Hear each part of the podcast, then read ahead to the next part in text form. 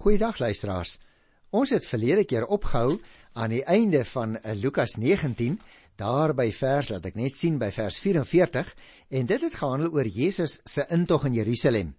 Ek wil net weer 'n keer vir u sê, as jy dalk uh, van ons programme wil bestel by Transwêreld Radio, want dit is hier waar ons die opnames maak, dan moet jy gerus aan die einde van die elke program net 'n bietjie luister na die adres. So hou dus 'n pen en papier gereed as jy teen die einde van ons program dit dalk sou wou neerskrywe.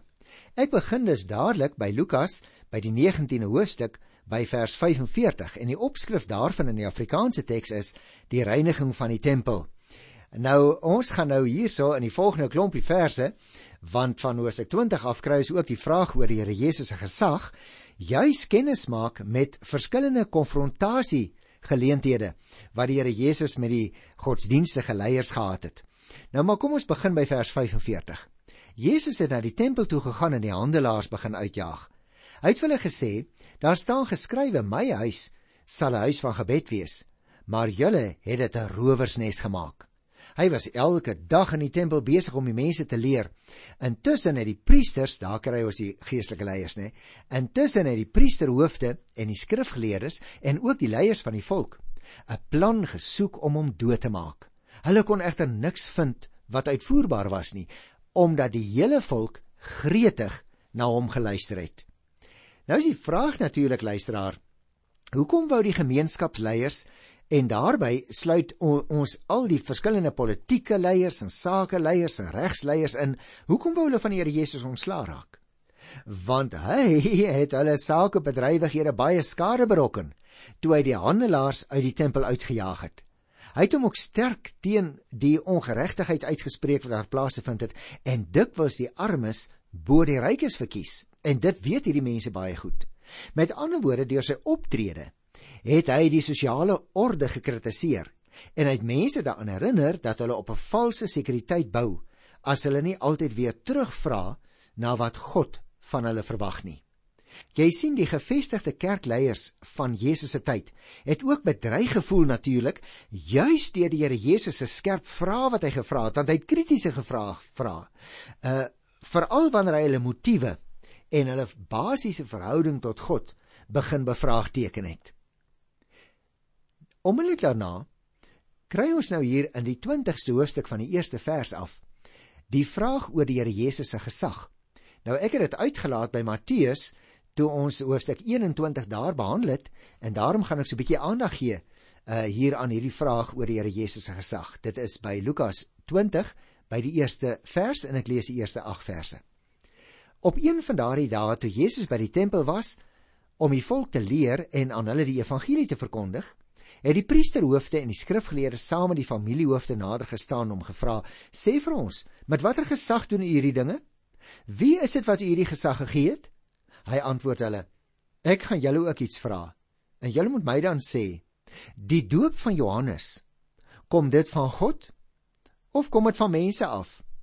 Hulle redeneer te onder mekaar as ons sê sy gesag kom van God af, sal hy sê: "Waarom het julle hom dan nie geglo nie?" En as ons sê sy gesag kom van mense af, sal die hele volk ons stenig want hulle is daarvan oortuig dat Johannes 'n profeet is. Toe antwoord hulle dat hulle nie weet waar Jesus sy gesag kry nie. Daarop sê Jesus vir hulle: "Dan sê ek julle ook nie met watter gesag ek hierdie dinge doen nie." Nou dis 'n baie interessante voorbeeld eh, broers en susters waar die Here as dit ware die ouens so 'n bietjie op die neus slaan Want jy sien hierdie priesterhoofde en skrifgeleerdes wou natuurlik van die Here Jesus ontslaa raak. En daarom het hulle hom met hulle vraag probeer vastrek. As hy nou openlik sou sê dat sy gesag van God kom, dan sou hy daarmee sê dat hy die Messias en die seun van God is. En dan kon hulle hom natuurlik dadelik openlik van God se lastering beskuldig en kon hulle hom ook vir die Joodse raad aankla. Jesus het egter nie in hulle strikke getrap nie, maar hulle met 'n teenvraag beantwoord en so ja, so het hy hulle motiewe ontmasker en hulle strikke vir my. Nou kom ons lees verder, die gelykenis van die boere in die wingerd. Verder het Jesus aan die volk hierdie gelykenis vertel. Daar was 'n man wat 'n wingerd geplant het en dit aan boere verhuur het. Daarna was hy hele lank ruk weg van die huis af. Toe die tyd daarvoor gekom het, stuur hy 'n slaaf na die boere toe om sy deel van die wingerd se opbrengs te gaan haal. Maar die boere het die slaaf verslaan en met leehande weggejaag. Die eienaar het weer geprobeer om 'n ander slaaf te stuur. Maar hulle het hierdie een ook geslaan en uitgeskel met leehande weggejaag. Die eienaar het nog 'n keer geprobeer en 'n derde slaaf gestuur. Hulle het hom geslaan dat die bloed loop en hom uit die wingerd uitgegooi. Toe sê die eienaar van die wingerd: "Wat moet ek nou doen? Ek sal my geliefde seun stuur. Miskien sal hulle hom ontsien."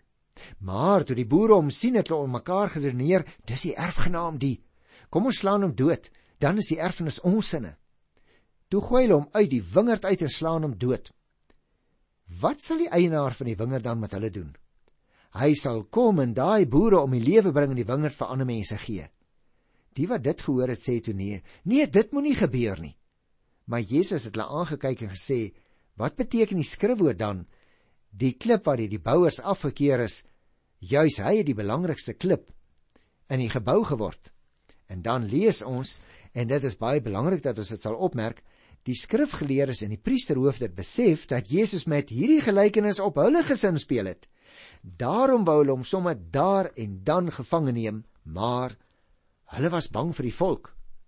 Jy sien luisteraars, dis maklik om die karakters in die gelykenis van die boere in die wingerd sommer dadelik uit te ken. Jy sien selfs die skrifgeleerdes het dit verstaan. Die eienaars se slawe en die profete en die priesters wat deur God na Israel toe gestuur is, Dit is natuurlik voorgestel deur hierdie mense wat herhaaldelik gestuur is. Die Here Jesus se gelykenis was dus indirek die antwoord op die skrifgeleerdes se vraag oor sy gesag. En dit was ook vir hulle die teken dat hy heeltemal bewus was van hulle planne om hom dood te maak. En daarom, luisteraars, moet ons hierdie gelykenis baie ernstig neem, want hierdie uitspraak verwys waarskynlik na Jesaja en dit dui op die klip as 'n struikelblok vir diegene wat hom verwerp. Daarom moet jy en ek ook baie bewus wees daarvan. Die Here Jesus aan sy voete gaan die paaie uiteen. Jy is of vir hom of teen hom. En jy en ek wat die boodskap gehoor het deur die mond van die profete en die evangeliste, ons moet dit ook baie ernstig neem. Kom ons kyk na die vraag oor die betaal van die belasting. Hulle het hulle kaas afgewag, so begin dit. Maar miskien moet ek eers vir jou so 'n bietjie net agtergrond vertel, want ek dink dit is belangrik. Die Here Jesus het naamlik sy vyande se poging om vir hom 'n stryk te stel in 'n betekenisvolle les verander. Jy sien God se volgelinge het 'n verantwoordelikheid teenoor God en ook teen die owerheid. Daarom is dit van die grootste belang in ons tyd ook dat jy en ek sal sorg dat ons prioriteite reg is waar die twee owerhede in konflik verkeer, moet ons verantwoordelikheid teenoor God altyd vir ons die swaarste weeg. Luister hierna. Toe stuur hulle geheime agente wat hulle as opreg voorgedoen het om Jesus op 'n of ander uitspraak te probeer vastrek sodat hulle hom aan die owerheidsgesag van die goewerneur kon uitlewer. Hulle vra toe: "Meneer, ons weet dat u in die prediking en onderrig regsinnig is. U let nie op die aansien van persone nie. Kyk net hoe skyn heilig is hulle, want hulle weet baie goed dat dit nie waar is nie. U is getrou aan die waarheid en so maak u die wil van God bekend. En nou luister. Is dit reg dat ons aan die keiser belasting betaal of is dit nie? U sien dit is altyd 'n uh, 'n vraag in ons elkeen se hart, veral as ons nie wil betaal nie. En as jy nie die owerheid wil erken nie, jy hou nie van die betrokke politieke party wat in die regeringsstoele sit nie, dan wil jy nie betaal nie. Maar luister nou. Maar Jesus het deur hulle slim streek gesien en hulle gesê: "Wys my 'n muntstuk. Wie se kop en naam is daarop?" Hulle antwoord: "Die keiser se." Toe sê hy vir hulle: "Nou ja, gee dan aan die keiser wat aan die keiser behoort en aan God wat aan God behoort." Hulle kon dit nie regkry om hom vir die volk vas te trek op iets wat hy gesê het nie. En verwonderd oor sy antwoord, het hulle toe maar stil gebly. Ek dink jy en ek sou wou sê, dis goed dat hy hulle so bietjie op die neus geslaan het. Die vraag is net, wat is jou en my eie gesindheid teenoor die owerheid? Of probeer ons ook maar om die owerheid met ons belastingbetaling te benadeel net waar ons kan? Luisteraars, die paar volgende kort perikope gaan ek uitlaat omdat ek dit behandel het of by Matteus of by Markus. En as jy die Lukas evangelie dalk voor jou oop het by die 20ste hoofstuk, dan sal jy sien dit handel oor die volgende afdelings. Hier van vers 27 af, die vraag oor die opstanding uit die dood, jy sal onthou as dit gedoen. En die vraag oor die seun van Dawid, dit het ons ook gedoen. En dan van vers 45 af waar die Here Jesus waarsku teen die skrifgeleerdes, dit het ons ook afhandel. En daarom gaan ek nou voort hier by die 21ste hoofstuk van die evangelie volgens uh, Lukas se beskrywing. En dit is ook 'n baie interessante gedeelte want dit sluit aan by die voorafgaande. Luister, die klein gawe van die arm weduwee. Dit is die eerste paar verse, eerste 4 verse hier in Lukas, die 21ste hoofstuk. Jesus het rondgekyk en die rykes hulle gawes in die offergawekis sien gooi. Hy sien toe 'n arm weduwee twee klein muntstukkies daarin gooi en hy sê: "Dit verseker ek julle, hierdie arm weduwee het meer ingegooi as al die ander. Hulle het almal iets uit hulle oorvloed in die offergawekis gegooi, maar sy het in haar gebrek alles ingegooi wat sy gehad het om van te lewe." Nou ek dink luisteraars, dit is een van die skrifgedeeltes waarop ons is almal baie graag beroep. Jy sien, die Here Jesus eh, was hier in die voorhof van die tempel waar die vroue ook kon ingaan. Daarom weet ons dit, want vroue kon maar net nie voorhof ingaan. Nou in die voorhof het daar nou 13 verskillende houers gestaan in daardie tyd. Dit was die gebruik wat in die vorm van 'n ramshoring gemaak is en waarin die offergawes dan gegooi is wanneer die mense inkom. Hierdie houers het elkeen 'n inskripsie opgehad wat aangedui het waarvoor die spesifieke offer aangewend kan word. En hierdie weduwee van wie ons gelees het, was nie net arm nie, maar sy het baie moeilik gevind om geld te verdien juis omdat sy 'n weduwee was. Haar klein bydrae het opoffering van haar gevra. Maar het jy opgemerk, sy het dit met blymoedigheid gegee. Die punt is, sy het alles wat sy gehad het in die offergawekis gegooi. Luisteraar, jou en my dankoffer staan dikwels in skrille kontras hierteenoor. As ons dalk dink dat dit 'n groot prestasie is om 'n sekere persentasie van ons inkomste vir die werk van die Here te gee, dan is ons net soos die ander mense wat uit hulle oorvloed gegee het. Die Here Jesus spreek hier sy waardering uit teenoor mense wat moet opofferings maak om te kan gee. En dit moet juis vir ons ook 'n uitdaging wees om meer van ons tyd, meer van ons talente en ook meer van ons geld te gee. Jy moenie die Here afskeep en dan maar sê o, maar 'n klein dankoffer in die geval van die weduwee leer vir ons, selfs 'n klein dankoffer is maar 'n orde nie. Onthou sy het gegee uit haar armoede. As jy en ek die Here afskeep, dink net hoe verskriklik steel ons eintlik van hom want dit is nie wat ons geleer word in hierdie eerste 4 verse nie. Kom ons lees nou hier van die afbreek van die tempel. En dit is natuurlik, soos jy sal sien in die opskrif, die profetiese rede, die tempel sal afgebreek word. Dit is eintlik maar net die inleiding tot 'n lang profetiese rede. En ek gaan net enkele aspekte hier uitlig luisteraars omdat ek dit ook gedoen het by uh, Matteus 24 in redelike detail, maar ek het goed daarop ingegaan toe ons Markus die 13de hoofstuk behandel het. Toe sommige oor die tempel praat, oor die pragtige klippe en gewyde geskenke waarin dit versier was, sê Jesus: "Alles wat julle daar sien, daar sal 'n tyd kom dat nie een klip op die ander gelaat sal word nie. Alles sal afgebreek word." Ek wil jou net eintlik so bietjie herinner aan die agtergrond en die geskiedenis van daardie tyd. Die tempel waarvan die disippels met soveel waardering gepraat het, is eintlik die tweede tempel, dit moet jy onthou nê, wat eers na die ballingskap gebou is. Die sogenaamde eerste tempel van Salomo is in die 7de eeu voor Christus deur die Babiloniërs verwoes, nadat dit opgerig is in die jaar 970 min of meer, want dit was die jaar waarin koning Salomo op die troon gekom het. Maar hierdie spesifieke tempel waarvan ons hier lees, is nou na die ballingskap. Met ander woorde in die 6de eeu voor Christus deur Serubabel en Esdra het hom gehelp herbou. Die Seleukide het dit egter in die 2de eeu voor Christus ontheilig, maar dit is kort daarna deur die Makabeërs herstel en Herodes die Grote het dit oor 'n tydperk van 46 jaar opgeknap en vergroot. Dit was 'n pragtige en 'n indrukwekkende konstruksie. Maar nou sê die Here Jesus dat dit heeltemal verwoes sou word. En luisteraars, dit is natuurlik presies wat in die jaar 70 na Christus gebeur het, toe die Romeine Jerusalem tot op die grond afgebrand het, toe ek die, soos wat ek die vorige keer vir jou vertel het. Nou goed, dan kom 'n mens by die gedeelte oor die rampe en die vervolging en jy sal onthou ons het dit behandel in Matteus en dan die gedeelte oor die verwoesting van Jerusalem waaroor ek ook nou net iets gesê het en daarom gaan ek so 'n bietjie daarvan uitlaat en dan die koms van die seun van die mens.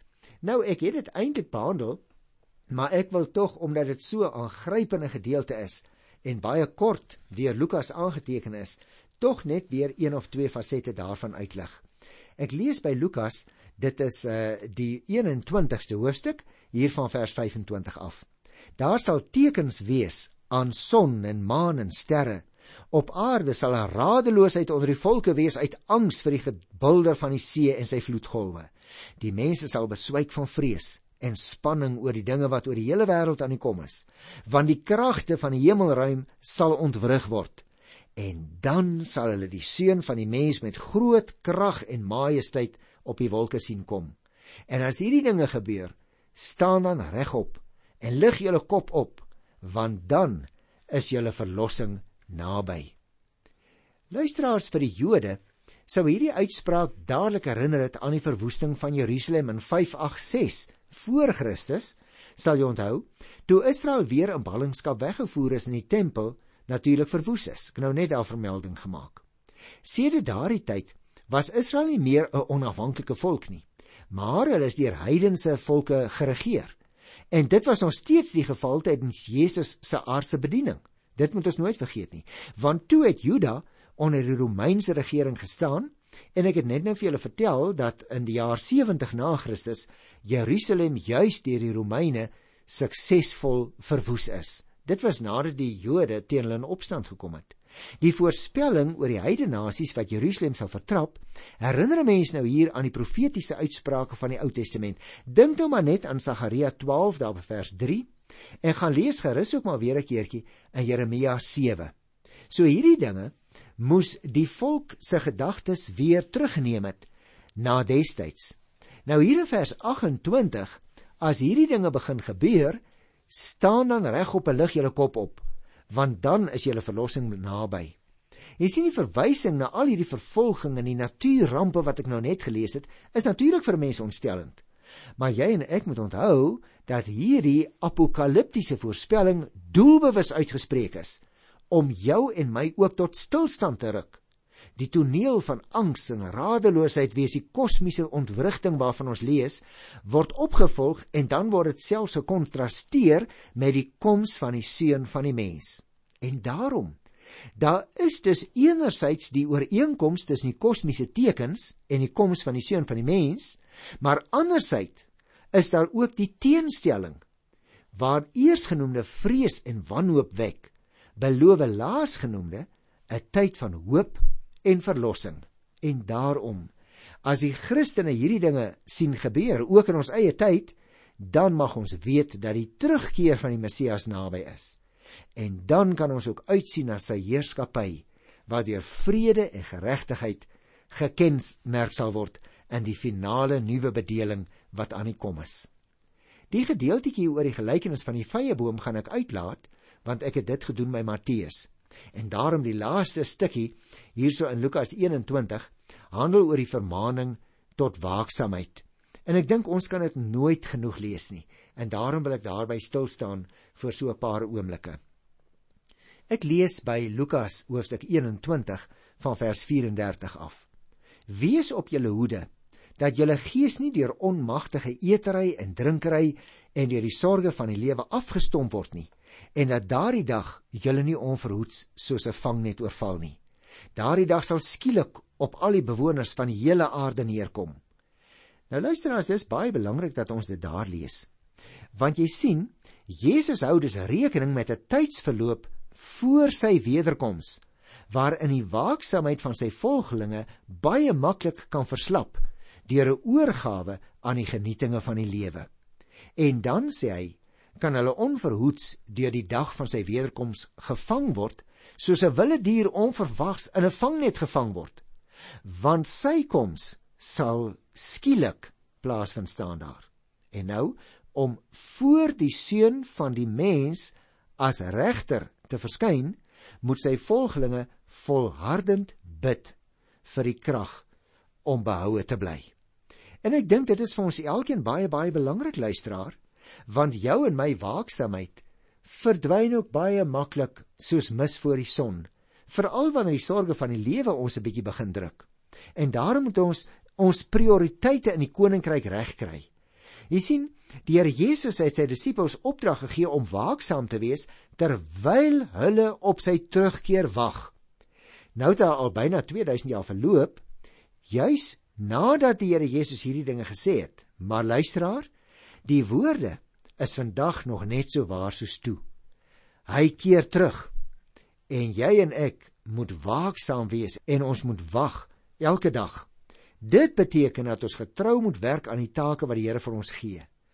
Jou en my gesindheid teenoor alle mense moet dan ook beïnvloed word deur die blye afwagting waarmee ons na sy wederkoms uitsien. Ek wil afsluit vir vandag met die laaste 2, uh, 3 versies van Lukas 21. Kom ek lees dit. Maar wees waaksaam. Bid altyd deur dat jy die krag kan ontvang om deur al hierdie dinge wat gaan gebeur, behoue deur te kom en om voor die seun van die mens te verskyn. Bedags voeg uh, die evangelis Lukas nou by. Bedags was Jesus in die tempel besig om die mense te leer, maar snags het hy uitgegaan buite die olyfberg vir nag. In die môre vroeg het die hele volk dan weer in die tempel na hom kom luister. Nou dis wonderlik wat hier geskrywe staan luisteraars, want enkele dae nadat hy vir hulle gesê het om nie vir vervolging bang te wees nie, het Jesus vir God die Vader gevra: "Is dit dan nie moontlik nie om die lyding aan die kruis wat vir my voorlê gespaar te bly nie?" Ons gaan dit nog behandel van hoofstuk 22 af. Jy sien, dit is abnormaal om te wil ly. Maar die Here Jesus se volgelinge behoort gewillig te wees om te ly as dit sal meewerk tot die uitbouing van God se koninkryk. Is dit met jou so? Want jy sien, sodra ons eie gerief so bietjie in die gedrang kom, sodra die Here Jesus mag ek die woord gebruik, sodra die Here Jesus ons lewens begin stuur, dan wil ons nie meer luister nie. En daarom is twee wonderlike beloftes wat ons in ons swaar kry en in ons opoffering kan let hier aangeteken in die Bybel. Matteus 28 vers 20 sê: God sal altyd by ons wees. Miskien is daar iemand aan wie ek net vandag hierdie woorde van die Here moet deurgee. As jy dalk swaar kry, as jou uitsig kort geword het, as jou moed opgeraak het, as die berg vir jou baie steil is, as die vlakte vir jou baie wyd is. Luisteraar onthou, God is altyd by jou deur sy gees. Hy het dit beloof in Matteus 28 vers 20 om die waarheid te sê, dit was die heel laaste belofte wat hy uiteindelik gegee het voor sy hemelvaart. Maar die tweede, en dis ook net so 'n belangrike belofte wat ek graag vir jou wil gee, as jy dit in jou omstandighede spesifiek nodig het. Dit staan in Openbaring 21 vers 1 tot 4. Hy sal ons eendag van alle lyding verlos en aan ons die ewige lewe gee. Miskien moet jy dit in jou hart bære. As jy iemand is wat baie ernstig siek is, bære die vaste wete in jou hart dat hy ons eendag van alle lyding sal verlos en die ewige lewe wat ons nou reeds besit sal afrond. Gaan lees gerus in Openbaring 21 vers 1 tot 4. Daar sal jy dit weer kry. En dit, liewe luisteraars, bring ons nie net aan die einde van vandag se program nie, maar dit bring ons ook aan die einde van die 6ste hoofdeel in die boek Lukas. Naamlik die sogenaamde Jerusalem verhaal. En dit het dan gestrek van Lukas 19 vers 28 tot hier by die 21ste hoofstuk vers 38. So volgende keer begin ek dan met die 7de hoofgedeelte. Tot dan groet ek jou in die wonderlike wonderlike naam van ons Here. Totsiens.